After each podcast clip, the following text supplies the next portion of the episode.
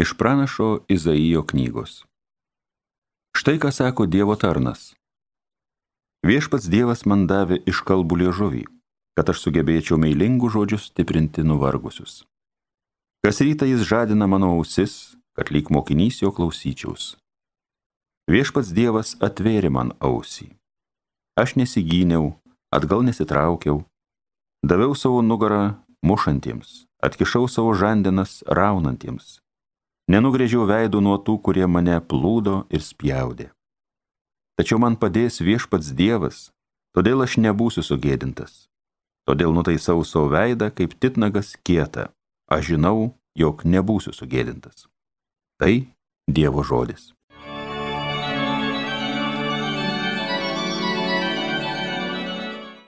O Dieve, mano Dieve, kodėl mane apleidai? Kas mane mato pašiepę, vaiposi kraipydami galvas. Viešpačiu pasitikėjo, tegu jis jį gelbi, tegu išvaduoja, jeigu jį myli. O Dieve, mano Dieve, kodėl mane apleidai? Apspitęs mane žvėrių pulkas, nedorilių aibė aplink mane zuja. Jie pervėri mano rankas, mano kojas, galiu suskaičiuoti visus savo kaulus. O Dieve, mano Dieve, kodėl mane apleidai? Jie drabužius mano dalyjas, meta dėl mano apdaro burtą, bet viešpatie, tu nuo manęs nesišalink, tu mano pagalba, skubėk man padėti. O Dieve mano Dieve, kodėl mane apleidai? Tavo į vardą garsinsiu broliams, maldingų žmonių būryje tave girsiu, kurie viešpaties bijot, teikit jam šlovę, garbinkit jį visą Jokūbo ainyje, bijokite jo visi Izraelio žmonės. O Dieve mano Dieve, kodėl mane apleidai?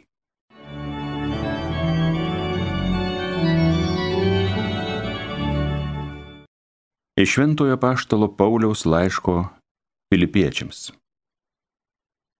Kristus Jėzus, turėdamas Dievo prigimtį, godžiai nesilaikė savo lygybę su Dievu, bet apiplėšė pat save, priimdamas tarno išvaizdą ir tapdamas panašus į žmonės.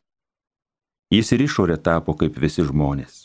Jis nusižemino, tapdamas klusnus iki mirties, iki kryžiaus mirties. Todėl ir Dievas jį išaukštino ir padovanojo jam vardą kilniausią iš visų vardų, kad Jėzaus vardui priklauptų kiekvienas kelias danguje, žemėje ir po žeme, ir kiekvienos lūpos Dievo tėvo šloviai išpažintų. Jėzus Kristus yra viešpats. Tai Dievo žodis. Šlovėtau Kristau, amžinosios garbės karaliau. Dėl mūsų Kristus nusižemino, tapdamas klusnus iki mirties, iki kryžiaus mirties. Todėl ir Dievas jį išaukštino ir padovanojo jam vardą, kilniausią iš visų vardų. Šlovėtau Kristau, amžinosios garbės karaliau. Evangelija pagal matą. Jėzus stovėjo valdytojo akivaizdoje. Valdytojas jį klausė, ar tu esi žydų karalius? Jėzus atsakė, tu pasakėjai. Aukštųjų kunigų ir seniūnų skundžiamas jis visai neatsiliepė. Tuomet pilotas paklausė, ar negirdi, kaip baisiai tave kaltina. Bet jis neatsakė nei į vieną kaltinimą ir tuo be galo nustebino valdytoje. Šventės proga valdytojas buvo pratęs paleisti miniai vieną kalinį, kurio jį norėdavo. Tuomet jis turėjo garsų kalinį vardu Barabą. Taigi žmonėms susirinkus, pilotas paklausė, Katrą norite, kad jums paleisčiau, Barabą ar Jėzų, vadinamą Mesiju? Mat jis žinojo, kad Jėzų jie buvo išdavę iš pavydo. Sėdinčiam teismo krasėje pilotui Žmona atsiuntė įspėjimą. Nieko nedaryk šiam teisėjam. Šiąnakt sapne aš labai dėl jo kentėjau. Aukštieji kunigai ir seniūnai sukurstė žmonės, kad prašytų paleisti barabą, o Jėzų pražudytų. Tuomet valdytojas jiems tarė, katrą norite, kad jums paleisčiau. Jie šaukė barabą. Pilotas paklausė, kągi man daryti su Jėzumi, kuris vadinamas mesiju. jie visi rėkė ant kryžiaus jį. Jis klausė, o kągi piktai yra padaręs, bet tie dar garsiau šaukė ant kryžiaus jį. Pilotas pamatęs, kad nieko nelaimi, o samišis vis didėja, paėmė vandens, nusimazgojo rankas minios akivaizdoje ir tarė, aš nekaltas dėl šio teisiojo kraujo. Jūs žinokitės. O visi žmonės šaukė, jo kraujas tekrintant mūsų ir mūsų vaikų. Tuomet jis paleido jiems barabą, o Jėzų nuplakdinės atidavė nukryžiuoti. Valdytojo kareiviai nusivedė Jėzų į įgulos būstinę ir surinko aplink jį visą kuopą. Jie išrengė jį ir apsiautė raudoną skraiste. Nupynė ir škiečių vainiką, uždėjo jam ant galvos, o jo dešiniai spraudė nendrę. Paskui tyčiodamiesi klūpčiojo prieš jį ir sakė, sveikas žydų karaliau. Spjaudydami į jį, stvėrė iš jo nendrę ir čaižė per galvą. Pasityčiojo iš Jėzaus, kareiviai nusiautė skraistę, apvilko jo paties drabužiais ir įsivedė nukryžiuoti. Eidami jie sutiko žmogų iš Kirenės vardu Simoną, tą privertė panešėti jo kryžių. Atėję į vietą vadinamą Golgota, tai yra kaukolės vieta, davė jam gerti vyno sumaišyto su tulžimi, bet Jėzus tik paragavo ir negėrė. Prikalę prie kryžiaus, pasidalijo jo drabužius mesdami burtą. Taip įsipildė pranašo žodžiai, jie pasidalijo mano drabužius, dėl mano apdaro metė burtą. Ir ten pat susėdę sergėjo jį. Viršum jo galvos jie prisegė užrašytą jo kaltinimą. Šitas yra Jėzus, žydų karalius. Kartu su juo buvo nukryžiuoti du plėšikai, vienas iš dešinės, kitas iš kairės. Praeiviai užgauliojo Jėzų, kraipydami galvas ir sakydami, šia tau, kuris sugriauni šventovę ir per tris dienas atstatai, gelbėkis pats. Jei esi Dievo sūnus, nuženk nuo kryžiaus. Taip pat tyčiojosi aukštieji kunigai su rašto aiškintojais ir seniūnais kalbėdami, kitus gelbėdavo, o pats negali įsigelbėti. Jeigu jis Izraelio karalius, ten nužengia dabar nuo kryžiaus ir mes juo tikėsime. Jis pasitikėjo Dievu, tad te išvaduoja jį dabar, jeigu juo rūpinasi, nes jis yra sakęs, aš Dievo sūnus. Taip pat jį plūdo ir kartu nukryžiuoti plėšikai.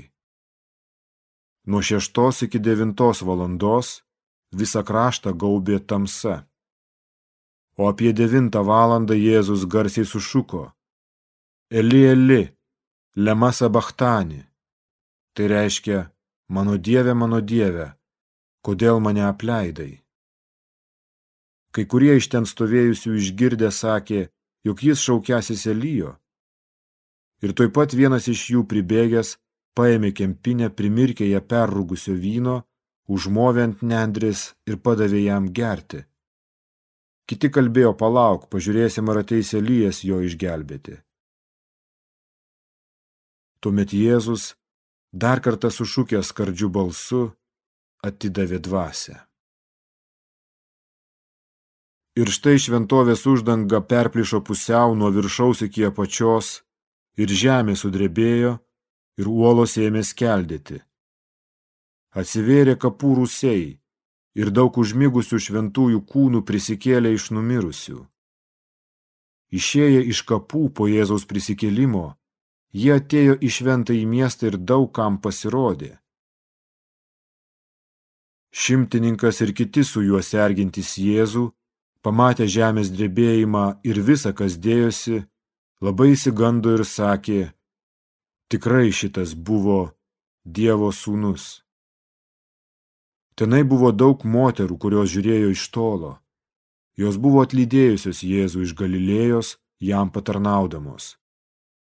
Tarp jų buvo Marija Magdalena, Jokūbo ir Juozapo motina Marija ir Zebedėjaus sūnų motina. Vakarui atėjus, atvyko turtingas žmogus iš Arimatėjos vardu Juozapas, kuris irgi buvo Jėzaus mokinys. Nuėjęs pas pilotą jis paprašė Jėzaus kūno. Pilotas įsakė jį atiduoti. Juozapas pasiėmė kūną, įviniojo išvarę drobulę ir paguldė savo naujame kapo rūsyje, kurį buvo įsikaldinęs uoloje. Paskui jis užrito didelį akmenį ant rūsio angos ir nuėjo. Ten dar buvo Marija Magdalena ir kita Marija, kurios sėdėjo priešais kapą. Kita diena, po pasirengimo dienos, susirinko pas pilotą aukštieji kunigai bei fariziejai ir kalbėjo. Valdovė mes atsiminėme, jog tasai suvedžiotojas, dar gyvas būdamas, yra pasakęs, po trijų dienų aš prisikelsiu. Tad įsakyk saugoti kapą iki trečios dienos, kad kartais atėję mokiniai neišvoktų jo ir nepaskelbtų liaudžiai, jis prisikėlė iš numirusių. Ta pastaroji apgavystė būtų blogesnė už pirmąją. Pilotas jiems atsakė, štai jums sargyba, eikite ir saugokite, kaip išmanote. Tada jie nuėję paženklino anspaudų akmenį ir pastatė sargybą.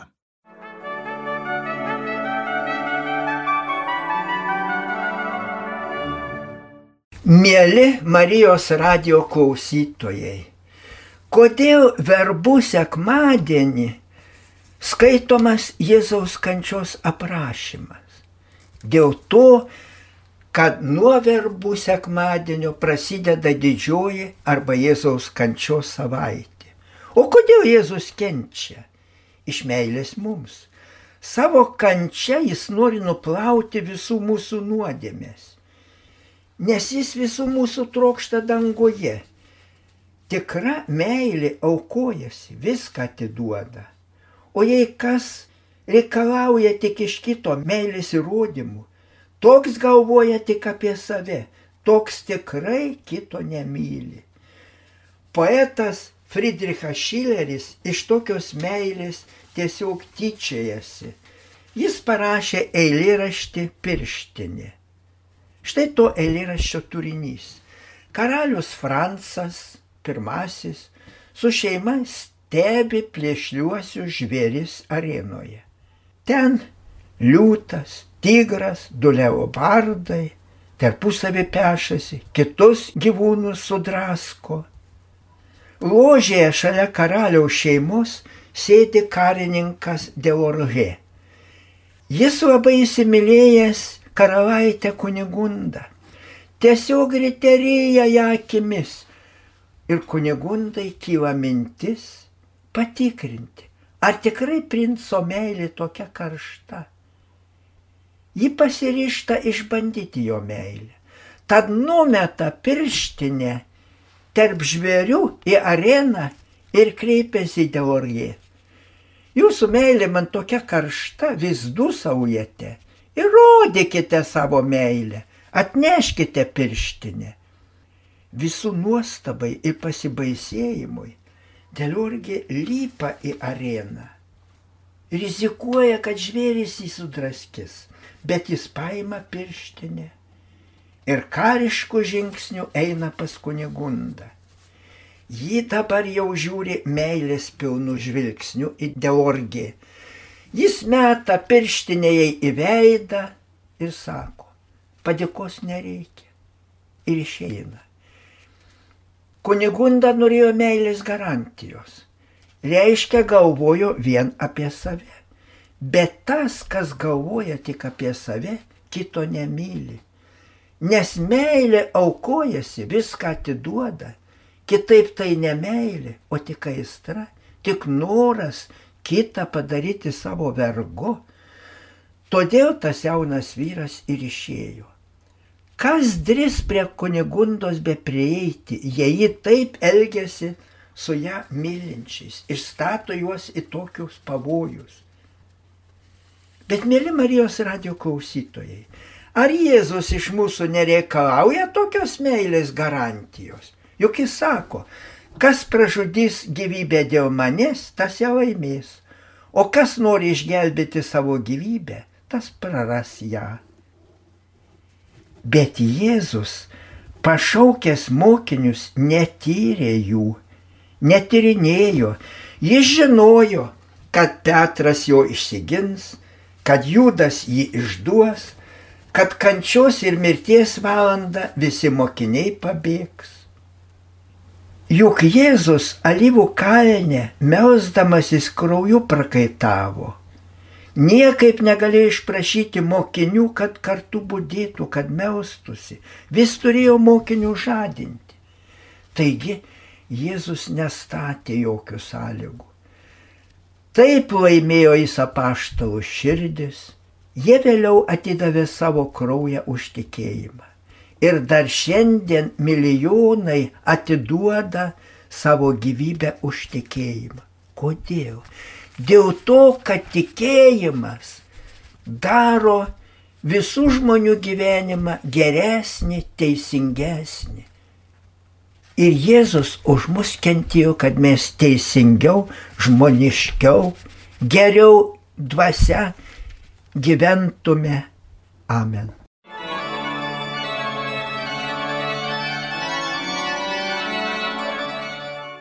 Homilyje sakė Panevižio vyskupas emeritas Jonas Kauneckas.